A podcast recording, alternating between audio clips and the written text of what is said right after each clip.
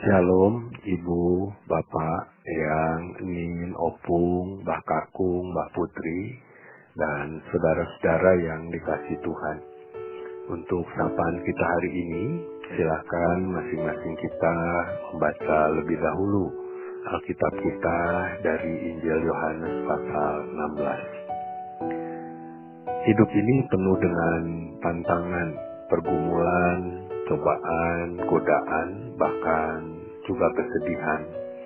Dalam situasi yang sulit dan berat, banyak orang bisa lupa diri, berbagai karakter manusia yang serakah, yang egois, bahkan tidak sedikit orang yang dalam situasi sulit itu merasa hidupnya hancur dan kehilangan harapan.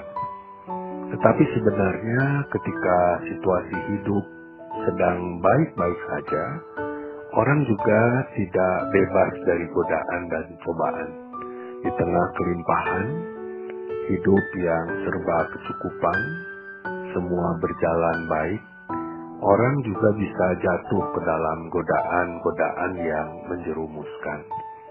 Kalau ada Tuhan Yesus yang hadir bersama dengan kita, seperti zaman para murid, mungkin kelihatannya lebih mudah.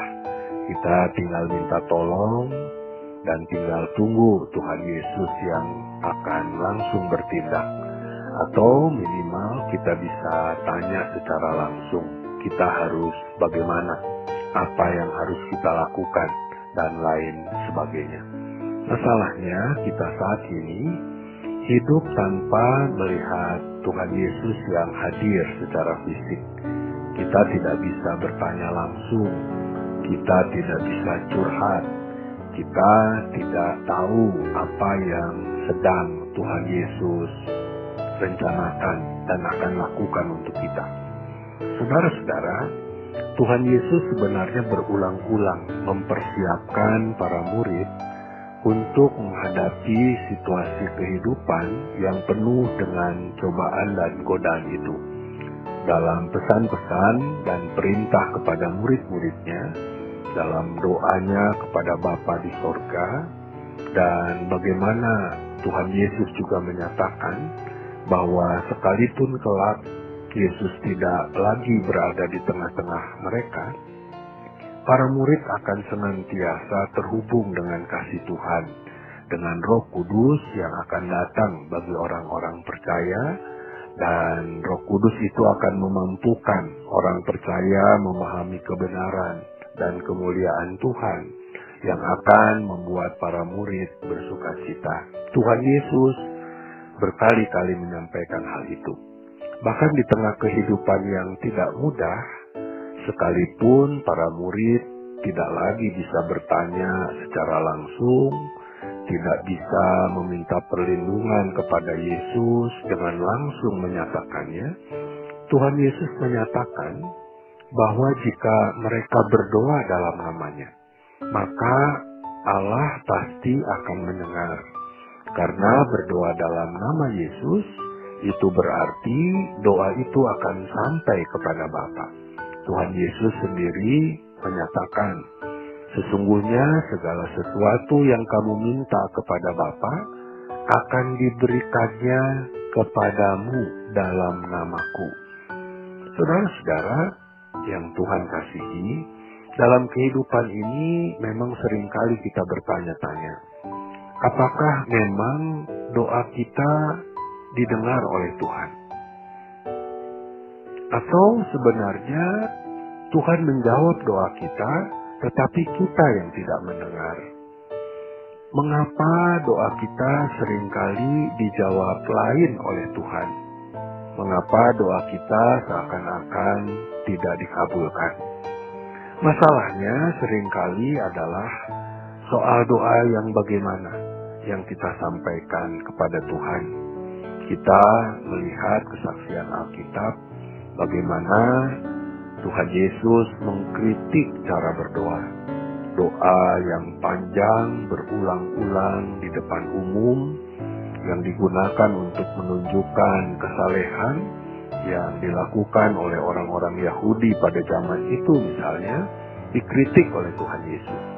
Bahkan Tuhan juga bisa jengkel dengan doa, bahkan ibadah yang sedemikian rupa dilakukan oleh umatnya. Hati yang berdoa dalam nama Yesus adalah doa yang dilandasi pada percaya akan kehendak dan rencana Tuhan yang baik, di mana duka, kesedihan, pergumulan, dan masalah yang dihadapi orang percaya pada saat yang tepat akan berubah menjadi sukacita dan syukur karena pertolongan Tuhan. Percaya pada rencana Tuhan, sekalipun ada kalanya kita belum mengerti apa yang sedang terjadi dan bagaimana jalan di depan kita. Doa bukan mantra, bukan kalimat sakti yang bisa memerintah kuasa yang ada untuk mengikuti apa maunya kita.